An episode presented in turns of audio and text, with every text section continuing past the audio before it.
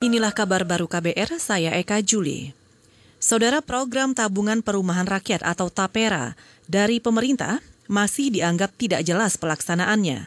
Ketua Umum DPP Real Estate Indonesia Paulus Toto Lusida mengatakan, salah satu yang membuat TAPERA tidak jelas adalah manfaatnya yang tumpang tindih dengan BPJS Ketenagakerjaan.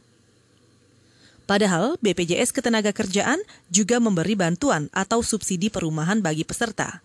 Menurut Paulus, dana iuran tapera rawan disalahgunakan pemerintah itu selalu niatnya baik, presiden itu selalu niatnya baik, tapi di bawahnya ini jadinya nggak jelas semua. Ya ini yang harus konsisten dan jelas. Nanti tiba-tiba ada lagi kita kelola keuangan ini ke aset manajemen. Wah tambah nggak jelas lagi nanti duitnya hilang semua nanti akhirnya. Tapera dan BPJSTK itu sama isinya. Kedua, manfaatnya itu selama ini nggak jelas. Ketiga, pengalaman kita dalam histori kita, mulai zamannya Orde Baru sampai hari ini, semua yang tabungan-tabungan gitu itu nggak jelas.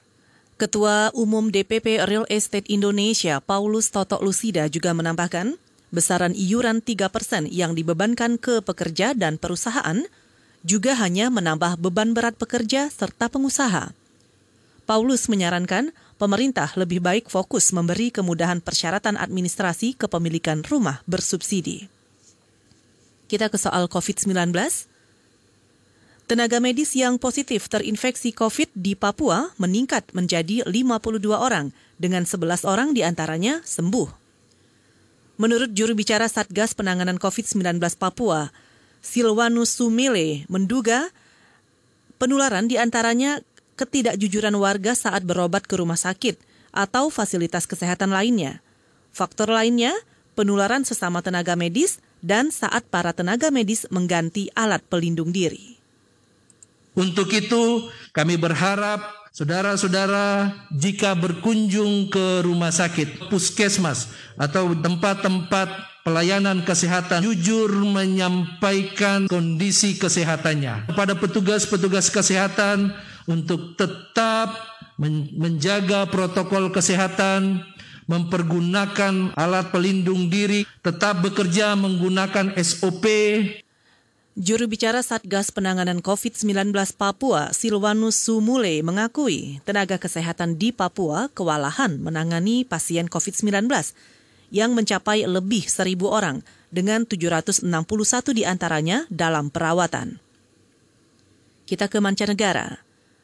Pemerintah Arab Saudi kembali menutup 39 masjid setelah ada kecurigaan penularan virus corona antara para jemaah. Namun, kerajaan Saudi tidak mengungkapkan secara detail lokasi 39 masjid yang kembali ditutup itu. Kementerian Urusan Agama Islam Arab Saudi mengatakan, penutupan kembali masjid dilakukan sebagai upaya mencegah penularan virus. Sebelumnya, pemerintah kota Damam, Arab Saudi Timur menutup sebuah masjid setelah imamnya diduga terinfeksi virus corona. Data statistik World Dumeters mencatat, hingga saat ini Arab Saudi memiliki 101 ribu lebih kasus dengan 712 kematian.